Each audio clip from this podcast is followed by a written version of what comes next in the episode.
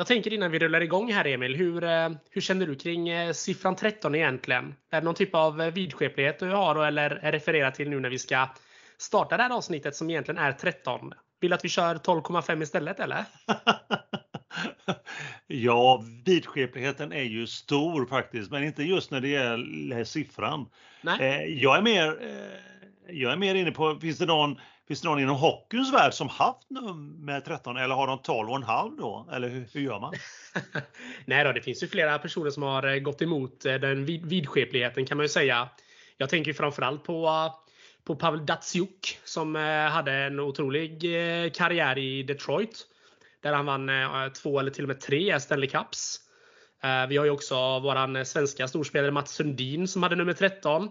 Eh, han som man kopplar kanske mest till eh, Toronto men som även hade en eh, session i Vancouver innan han la sin karriär på hyllan. Och sen då givetvis Frölunda-legendaren Lars-Erik Lundvall får vi inte glömma nu.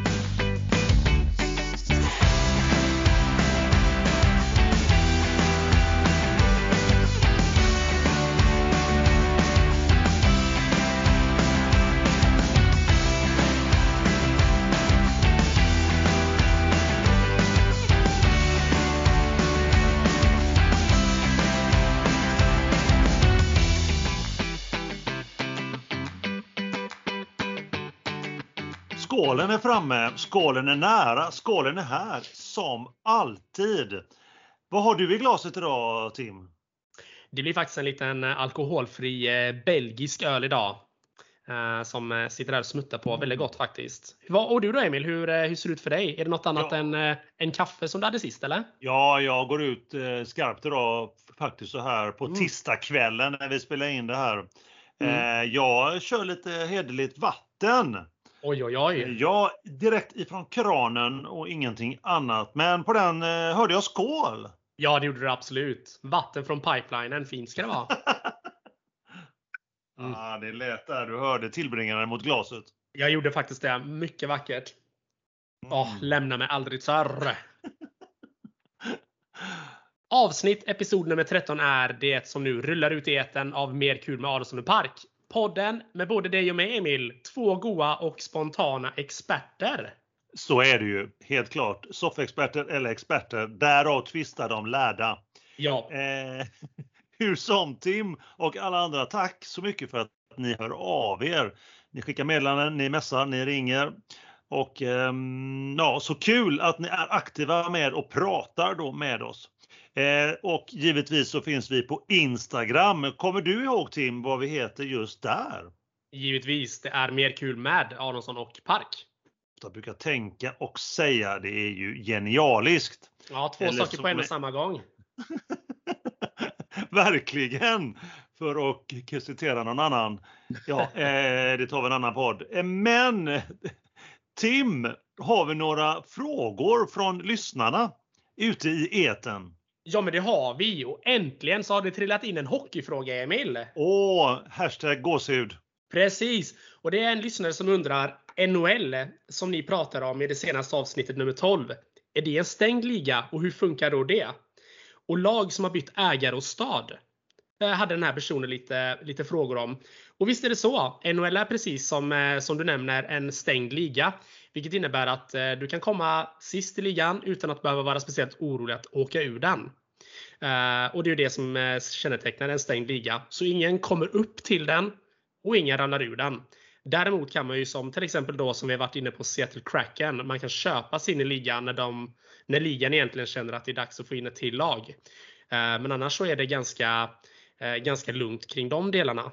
Eh, men när vi kommer till lag som har bytt stad. Det finns ju så att det finns som så att eh, det är flera lag som har eh, haft en annan lagtillhörighet innan. Tar vi till exempel Colorado Avalanche så var ju det Quebec innan det mm. blev Colorado. Ja, och, och då var det så att ägaren sålde eh, hockeylaget Quebec och flyttade den till en annan stad och det blev då Colorado Avalanche. Och det är ju lite, li, lite konstigt kan man ändå tycka. Det gör ju lite ont i supporthjärtat eh, när man hör de här grejerna.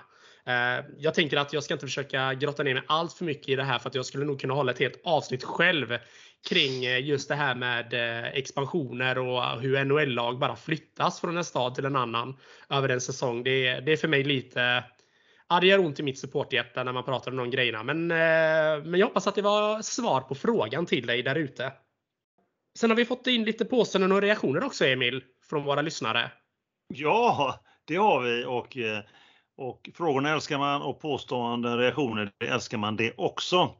Eh, Tim och övriga, vi har fått in från en av våra mest trogna lyssnare en fråga, mm. eller kanske är det mer ett konstaterande. Hur som, det löd i alla fall så här. Har ni lyssnat på samtliga av era avsnitt? Ni har en poäng att ni pratar innehåll och att det kanske inte alltid är så många poddar i övrigt som gör det, utan mest svamlar.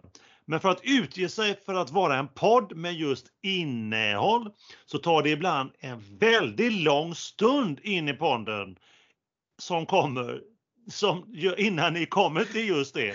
Exakt innehåll. Mm. Ja, eh, Tim och övriga vi tar ju till oss detta givetvis. Och för att visa att eh, vi lyssnar på våra lyssnare, för eh, utan er är vi ju ingenting, så rullar vi väl över då på kvällens ämne.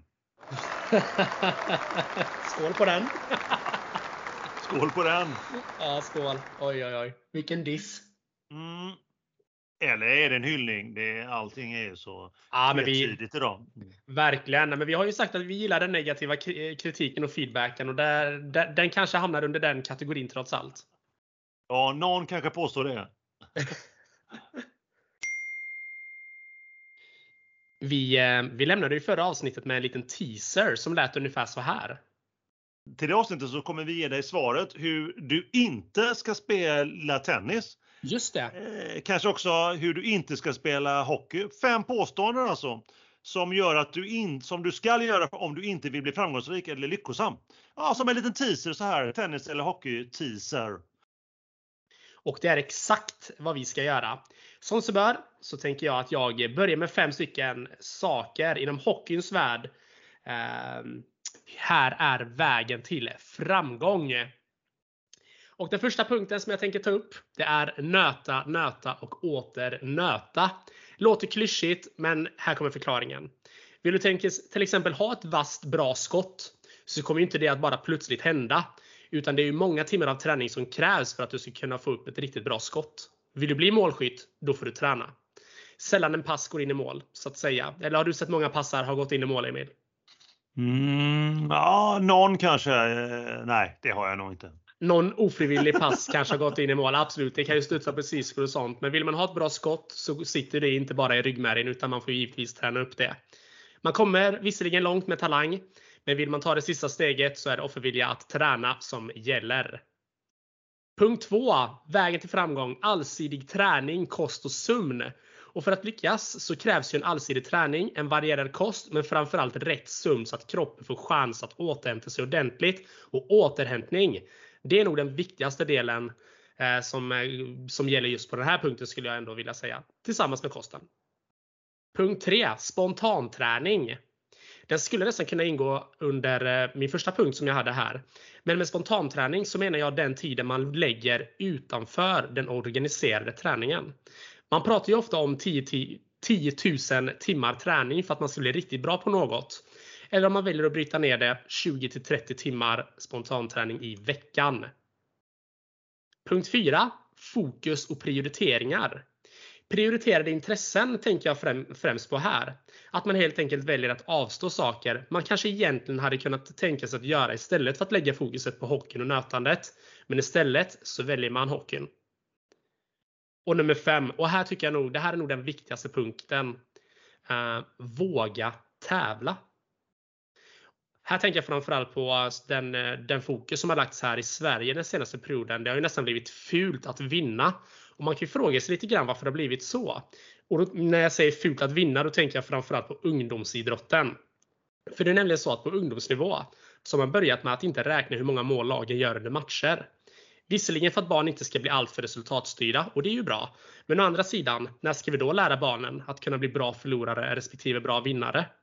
Här har vuxna ett stort ansvar på sig för att kunna urskilja och lära ungdomarna hur man ska ta och bete sig vid en vinst eller förlust. Så jag tänker, tar vi bort själva tävlingsmomentet inom idrotten så tror jag att vi är väldigt farligt ute inom den svenska idrottsrörelsen överhuvudtaget. Eh, och är det en sak man ändå kan vara säker på så är det att barnen, de räknar ju målen ändå, även om inte föräldrarna gör det. Så egentligen så kan man ju fråga sig, vem är det vi gör en tjänst? Är det egentligen de vuxna som inte kan ta att ungdomarna vinner eller förlorar? Eller försöker vi samla lätta godhetspoäng? Det var de fem punkterna jag hade här eh, kring, eh, kring hockeyn. Ja, som Säkert en, del, säkert en del eh, klyschiga saker, men ändå ack så viktiga. Du kör inte klyschor Tim, du är ju en expert, en soffexpert.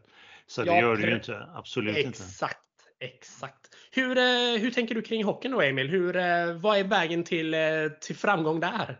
Inom hockeyn, det har ju du just Nej, pratat om. tennisen! Oj, oj, oj. fr- Freudiansk felsägning. Tennisen Men såklart. den tar jag så gärna för du har ju bara, du har ju ett huvud fullt med hockey. Så det är väl ändå klart att du bara tänker på hockey. Hur gör du inom hockeyns värld? Men det är bra. Ja, som du märkte. Mer kul med Park och Park ska vi döpa om det här eh, avsnittet till. Specialavsnitt. Men, men, jag, jag satt och spånade på det och, och samtliga dina fem stycken punkter kan jag också köra när det Mm. gäller tennisen. Så det är Mm. liksom inte, om man ser det i det stora hela så är det liksom ingen skillnad. Eh, men eh, jag, är- jag har ju, för att göra det enkelt för dig eller svårt för mig eller tvärtom, så har jag ju givetvis inte valt de fem. Utan jag har ju valt fem andra. Det låter ju mycket roligare. Tänk om Ja. vi hade haft fem exakt likadana. Vilken, Det blir sjukt. eh, ja, men vilket antiklimax det hade varit. Då hade podden varit klar på 27 minuter idag.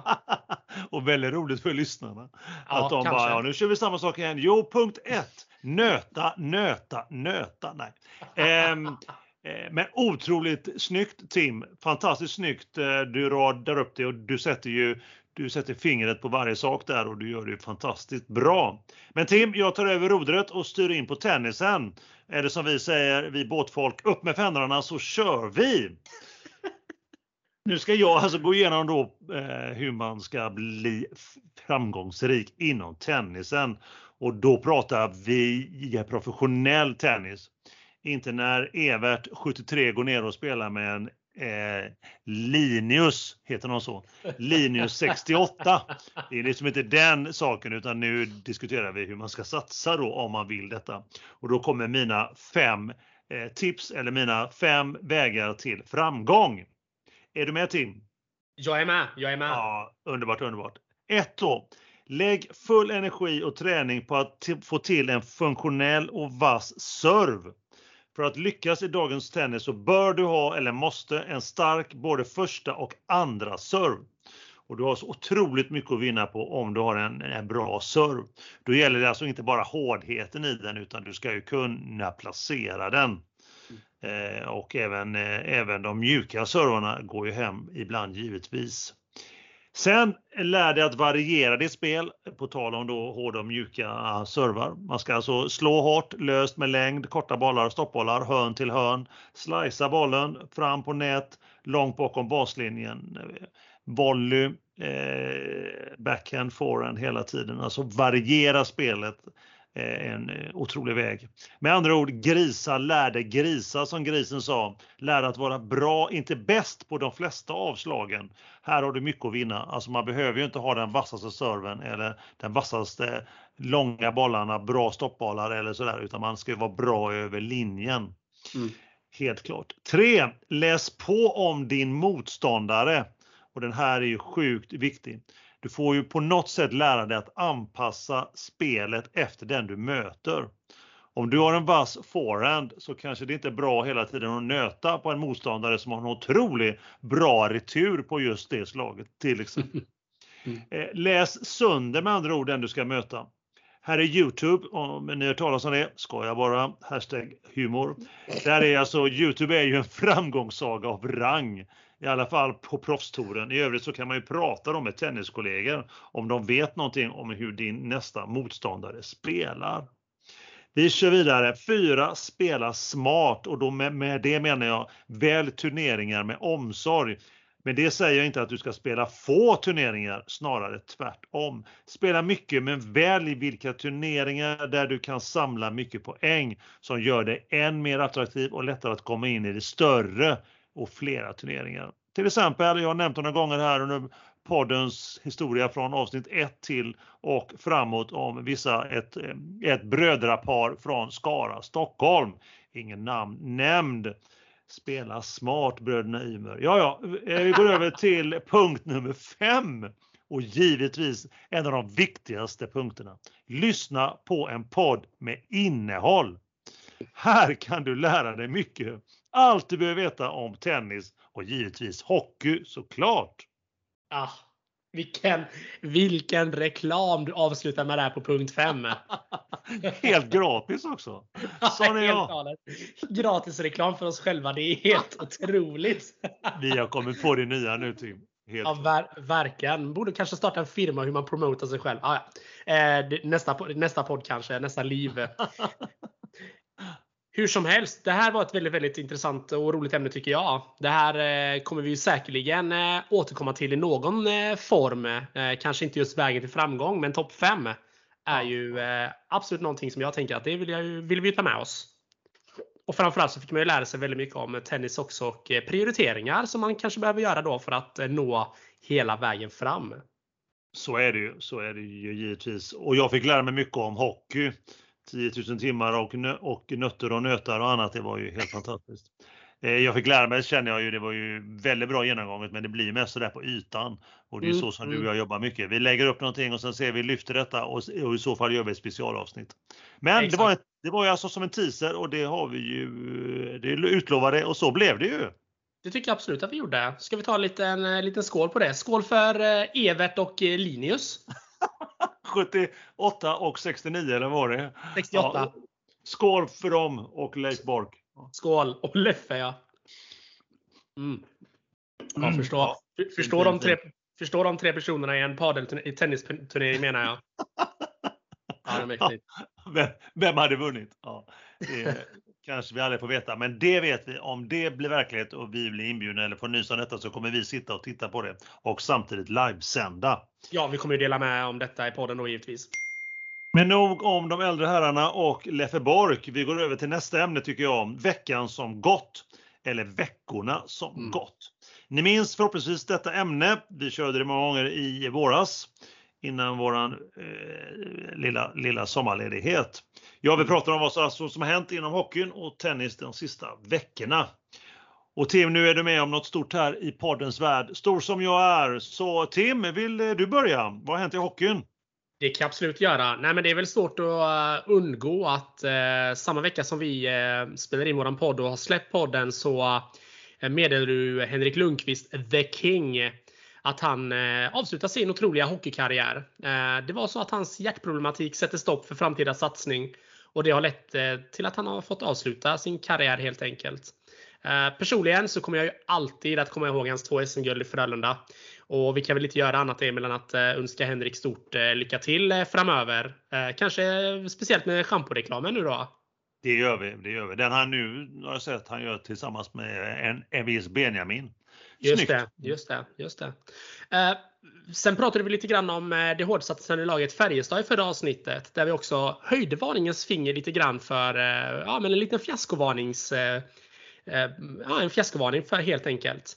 Eh, de har spelat fyra stycken träningsmatcher. De spelar sin femte idag. Hur vet du hur det har gått för dem?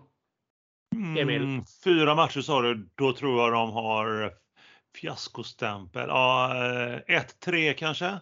Ja, om det vore så väl. De har faktiskt börjat de fyra första matcherna med fyra raka förluster. Oj, uh, oj. Ja, mm. Nu är det visserligen bara försäsong, men, uh, men visst att det är skönare att gå in i en eh, SHL-säsong med en god känsla. och just nu så tror jag absolut inte att Färjestad har någon god känsla när man har fyra raka förluster. Men men, det är ett maskineri som ska igång och det är många spelare som ska komma in i, in i rullen helt enkelt. Så att mycket hinner ju hända där såklart.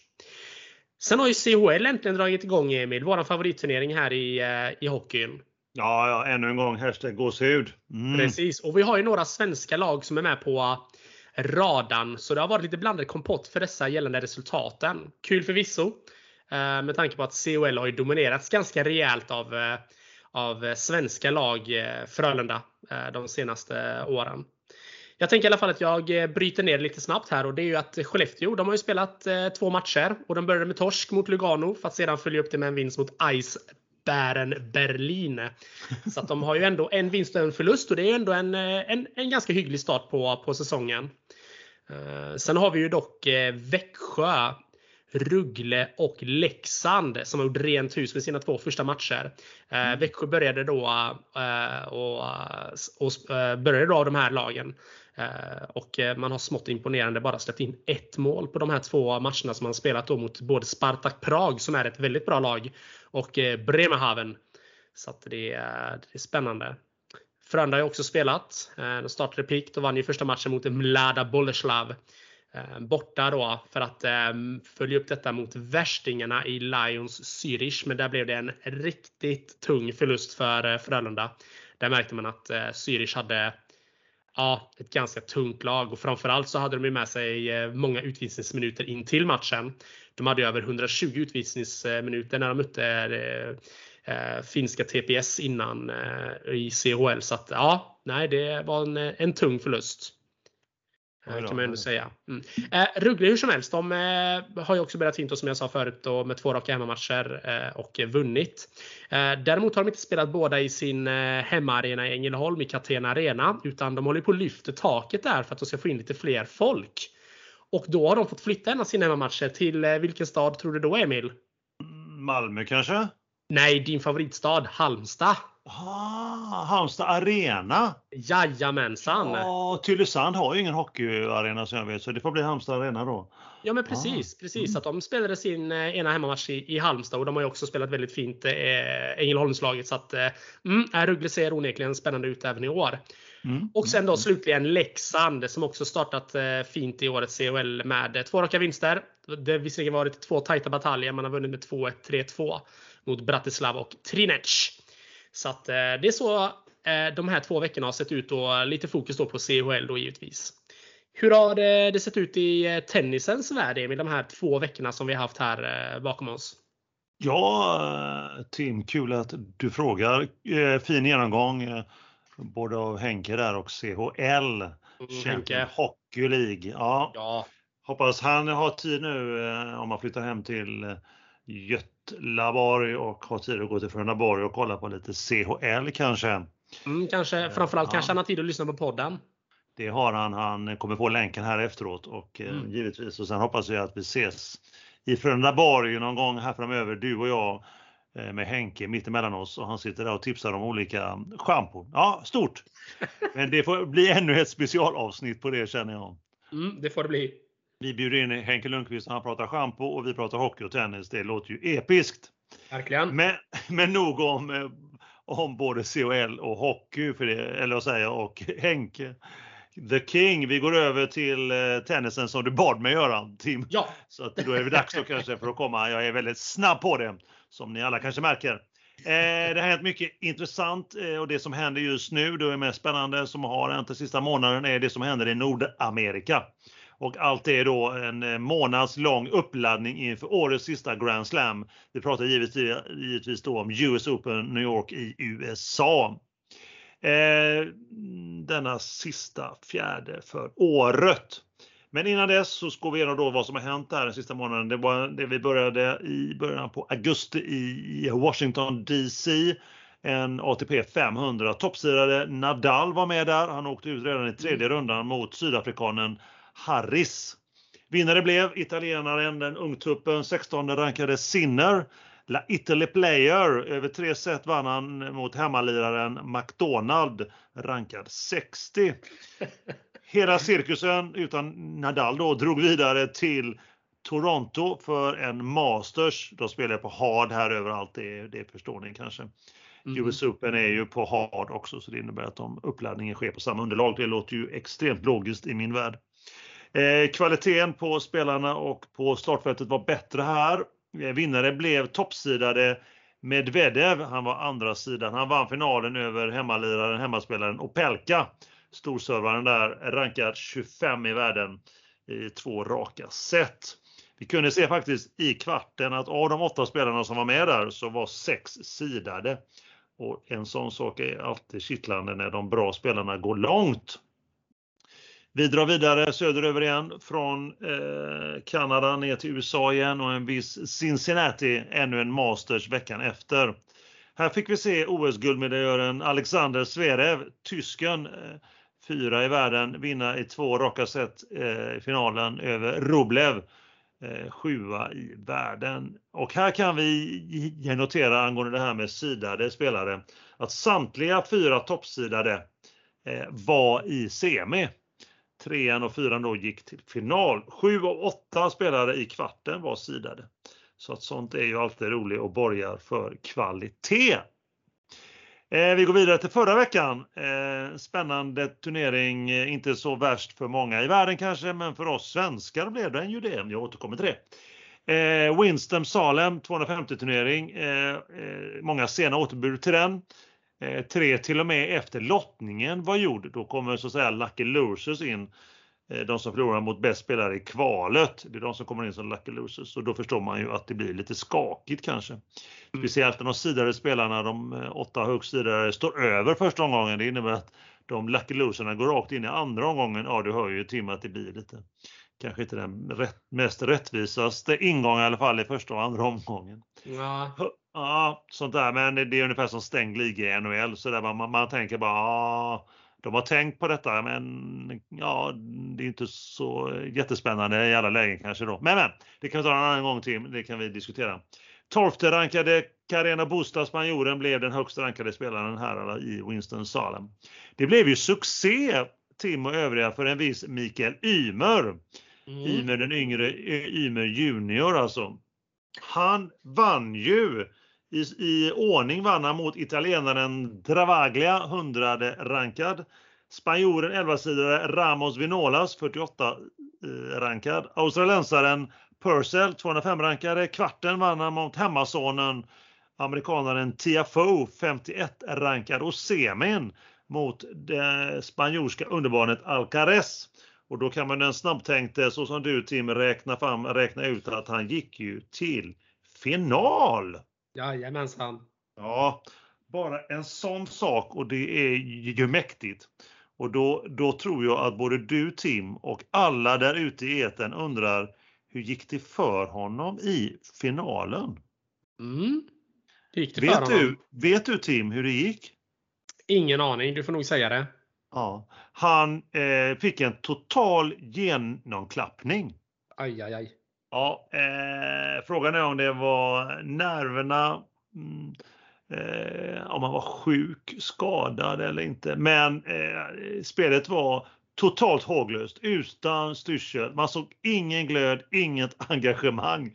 Jag ställde mig flera, tider, flera gånger där i finalen på kvällen, lördag kväll sent, att undra om, undra om Mikael Ymer tycker att det är kul med tennis. Ja. Oj, oj, det var så håglöst till och med. Ja, och om han då skulle tycka att det var roligt, om man skulle svara ja på den frågan, så hade jag ju sagt givetvis, men visa det då. om du nu tycker att det är roligt. Då. Den klassiska, visa ja, det då. Klassiskt. Men han, han förlorade alltså med 0-6-2-6 mot ja. belarusen Ilja Ivarska. Ja, det, det var ju då Ivarskas första eh, ATP-final så som för Mikael Ymer. Ah, eh, ja, det var faktiskt med en sån bra vecka så var det tråkigt att det gick så illa. Han har gjort några sådana faktiskt nu här i år. Eh, spelar bra några matcher och sen kommer en sån här total genomklappning som jag eh, väljer att säga det. Han mm. vann alltså eh, det, det tog, han, tog, han vann inte en enda poäng i Belarusens eh, servegame i första set.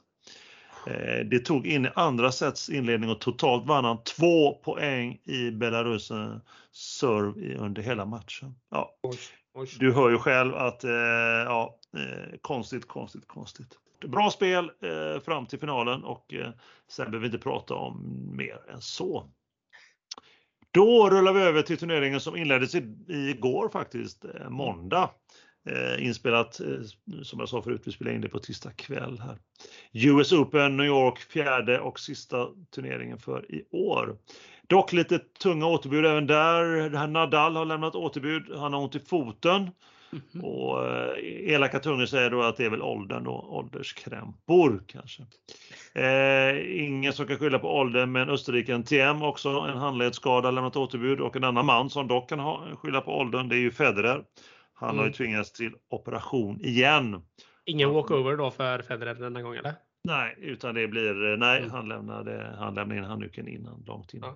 Mm. Sen är frågan när han kommer tillbaka. Nu pratas det om att han lär ju inte vara tillbaka heller våren eh, nästa år. Oj, så att, länge. eh, ja, eh, men han, han är ju han är ju till åldern kommer så att eh, det ska bli intressant om han gör något, eh, något år han åker runt och bara visar upp sig typ. Och, eller hur han lägger upp detta. Men men, det är många som har räknat ut Federer innan som jag brukar säga så vi ska nog inte göra det helt och hållet igen. Nej, det är dumt. Men men, eh, Djokovic, serben om du minns honom Tim. Jajamensan. Världsettan, den över, överlägsne han eh, spelar. Eh, och då ställer sig många frågan, kommer han vinna och ta hem en äkta Grand Slam?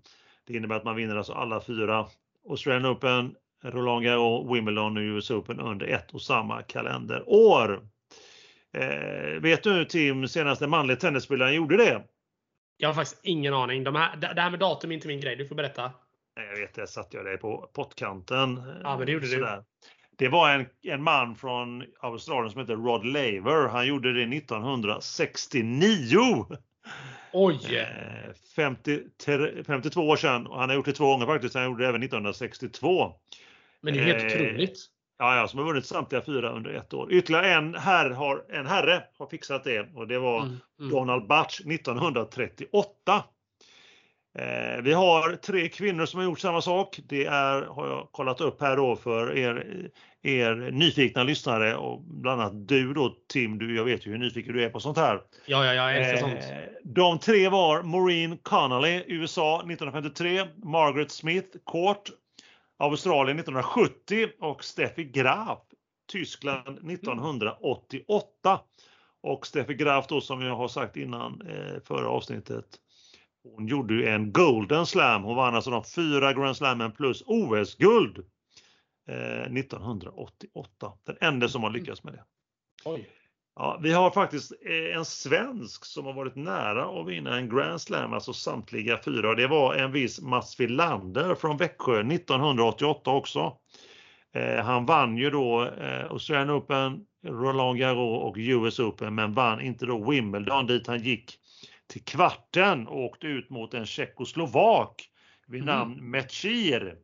Då kan man ju säga att det året tog ju Sverige i alla fall en Grand Slam, alltså samtliga fyra, för en viss Stefan Edberg vann Wimbledon. Jaha. Ja, så att då lär du dig om året 1988. Då var det alltså på både dam och herrsidan så var det tre spelare som vann de åtta turneringarna. Steffi Graf, Mats Wilander och eh, Stefan Edberg. Ja. Mm. Så att, eh, stort, stort, stort sånt eh, häftigt tycker jag, som är en liten statistiknörd av rang. I alla fall när det gäller, om jag får säga det själv, om det gäller tennis. Men men, vi, vi måste gå då till eh, US Open igen känner jag innan vi tappar det här helt. Eh, utmanare till Djokovic kan man ju ställa sig då, vad har vi där undrar väl den nyfikne. Jag undrar det i alla fall. Eh, jag har letat långt ner i tombolan och hittar att vi har tysken Sverev eh, som jag ser som den stora utmanaren. Eh, därav att han har spelat bra på, på sistone. Han vann ju en Masters som jag nämnde precis och så vann han ju innan dess vann han ju OS-guldet. Och Mm. där han då, eh, om den som kommer ihåg eh, från förra avsnittet så mm, berättade vi där att han vann ju mot då, eh, Djokovic i semifinal. Där Djokovic vann första set med 6-1 och sen hade break-up i andra och sen föll igenom totalt. Likt Mikael Ymer faktiskt, men en helt annan dignitet då. Mm. Mm. Eh, Djok, eller Sverre var precis spelat faktiskt här ikväll. Han, spelade, han har precis avslutat sin match och han vann första mot amerikanen Quarry med 3-0 i set. Han har nu faktiskt 12 raka vinster. Eh, tysken.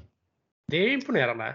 Ja, det var den utmanaren jag ser faktiskt. Jag har vänt och vridit på varje sten och jag ser ingen annan faktiskt som ska kunna utmana Sverre.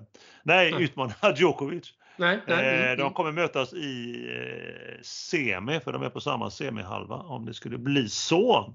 Mm. Mm. Eh, så att det ska bli sjukt spännande att se de kommande knappt två veckorna. Och Djokovic går in i turneringen lite senare ikväll och, så även Mikael Ymer som är med. Ja, ja. Så vi nämnde lite kort då eh, svensk kollen som vi brukar säga. Elias Ymer åkte ut idag faktiskt en Challenger i Saint-Tropez. Ah. Han, han förlorade mot en 17-åring som aldrig har spelat Challenger innan rankad 1175. Oj! Man kan väl säga att även den äldre broder Ymer inte imponerar här på sista dagarna. Mm. Ah. Eh, tyvärr, tyvärr. Men det var eh, lite tennis vad som har hänt och som sagt US Open. Det är ju det här då som är det stora som händer just nu. Mm, spännande. Ja, spännande. Ja, du nämnde det här när du gick igenom hockeyn förut, Tim. Jag satt och funderade på det. Mm. Eh, och glömde han inte säga det då, men jag tänker nu istället. Jag undrar också om, har du något nytt om just Seattle Kraken? Uh, nej men det har varit uh, ganska lugnt kring, uh, kring Seattle här nu det senaste. om man ska kolla rent uh, alltså svenskkollsmässigt så, så har man då signat en, en back som heter Gustav Olofsson. Som faktiskt är från Borås här på ett tvåvägskontrakt. Så det är ju roligt tycker jag om man ska se det ur rent eh, svenskt perspektiv. Jag, ja. jag försökte sätta mig ner och kolla lite grann här. Vem är den här eh, Gustav Olofsson. Det kändes inte som att det var en person jag riktigt eh, hade bra koll på. Och när jag kollar här så är inte det konstigt. Han har knappt spelat i Sverige. Han, eh, nej men visst, jag, det finns ju en jättebra sida för er eh, som är intresserade av hockey. Som heter eliteprospects.com. Bra gratis reklam för Elite Prospects här. Men där kan man söka upp alla spelare som är, eh, ja men som är, hur ska man säga? Uh, ja, som finns i systemen helt enkelt, som finns i någon typ av liga. Och här då när jag kollar på Gustav Olofsson så kan jag säga att han är född och uppvuxen i Borås. Han har spelat i Björklöven men redan 2010 så har, åkte han över till USA. Jaha.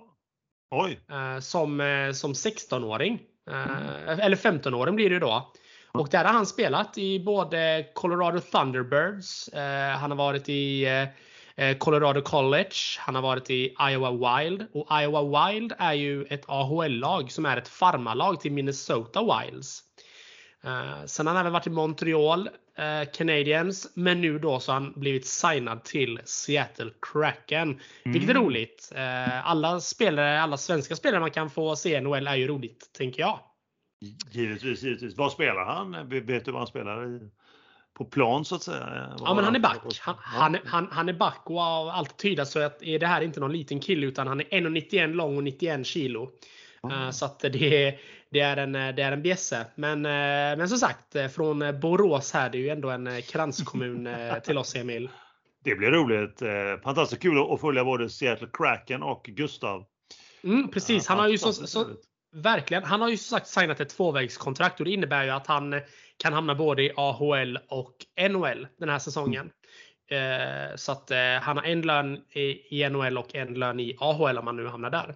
Eh, det finns också något som heter envägskontrakt och då är det att man kan bara spela NHL och blir man då nedflyttad till AHL då hamnar man i någonting som heter waiver. Och då kan man då bli upplockad av vilket lag som helst. Men som sagt, den förklaringen får jag nog gå in på lite mer någon annan gång. Ja, vi lär ju återkomma till Seattle och Gustav, helt klart. När du, sa hans, när du sa hans storlek, eh, mm. längd och vikt så tänkte jag på mig själv. Det är ungefär där, där jag ligger. Ja, fint. Ja, ja, ja, ja, ja. Trim, trim, trimmad som aldrig förr. Mm, men jag drog aldrig till, över till eh, USA när jag var 15. Där har du skillnaden på mig och Gustav och jag har aldrig bott i, i Borås heller. mm. Annars är det väldigt lika känner jag spontant utan att veta vem det är. Men det är kul att höra lite om honom. Ja. Absolut, absolut. Vi kanske ska bjuda in honom till podden, eh, Tim. Men vi kan se om eh, vad tidsskillnaden till Seattle är. Det gör vi. Så får han gå upp mitt i natten för vi lär ju inte göra det. Mm. Nej, nej, nej, nej, han får ju bjuda till här nu. Ja, ja, ja. ja. Det tycker jag. Självklart, självklart. Han, vill, man, vill man vara med med en podd med innehåll så får man, eh, får man bjuda till. Det är sen gammalt. Det är sen gammalt. Så är det. Ska man bli fin får man lida pin. Som min mor brukar säga. Ja. Precis. Det är kul, jag är inne och kollar här nu på, på just eh, Seattle Kraken. Jag håller på att kolla lite grann vilket deras farmarlag är. Och deras farmarlag är Palm Spring. Jaha, oj, det låter glidigt. Det låter väldigt glidigt eh, och när jag kollar här nu så är det ett helt nytt farmarlag som inte har funnits innan. Ah. Så att eh, de har ju, eftersom det kommer in ett nytt lag i NHL så behöver det tydligen finnas ett lag till då i AHL för att det behöver finnas farmarlag till alla NHL-lag. Ja, det är klart. Så att, det är klart. Eh, så att eh, Palm Springs, och de är då från Kalifornien. Mm, självklart, ja. The Palm Springs AHL team is a professional ice hockey expansion team based in Palm Desert, California. Så att, ja, ja. De lär man också följa, kan jag känna spontant. Kul! Ja, ja, det rör på sig NHL och det är alltid roligt. Eh, ni vet väl om att vi finns på Instagram eh, som vi nämnde förut med, under namnet Mer kul med Aronsson och Park. Skicka gärna ett meddelande där. Eh, vi kommunicerar bäst och mest effektivt på Instagram. Vi vill ha feedback. Som ni har märkt så gillar vi både den positiva och som vi fick det här avsnittet även den negativa. Negativa är ju nästan roligare för vi är så himla vana vid den positiva. Ni får jättegärna fortsätta att prenumerera på oss och gilla just oss på Instagram så våra spons ser det. Då gillar de oss och de gillar också er. Exakt.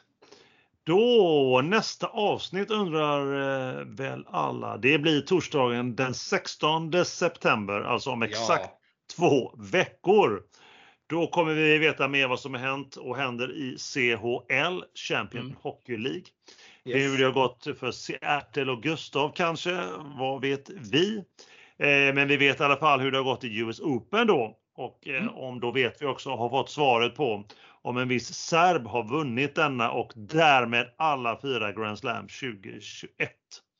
Och då, men det vi kan fundera också fram till dess, Tim, det är om vi kommer kalla det avsnittet för avsnitt nummer 14 eller kanske 13 och en halv. Just det, just det. Det kanske våra lyssnare där ute får hjälpa till och, och bestämma. Givetvis. Bra idé. Vi har en lyssnartävling. Vad ska nästa avsnitt ha för nummer? Det är ju fantastiskt Tim. Vi är, vi är ju ändå en demokrati. Exakt. Du har alltid varit bra på tävlingar Tim. Helt klart. Men på tal om det Tim, jag är nöjd. Är du nöjd? Jag är jättenöjd. Nu, eh, nu har vi börjat närma oss 37 eh, minuter här så det är väl ändå kanske dags att avrunda detta episka avsnitt 13 eh, eller 12,5 eller vad vi nu väljer att kalla det. Det gör vi, tycker jag. Och jag tycker vi avslutar det med en skål. Skål Tim! Skål Emil! Och skål till alla er där ute! Skål alla där ute! Ta hand om dig och ta hand om kärleken. Ha det gott nu allihopa! Ha det gott, hej hej!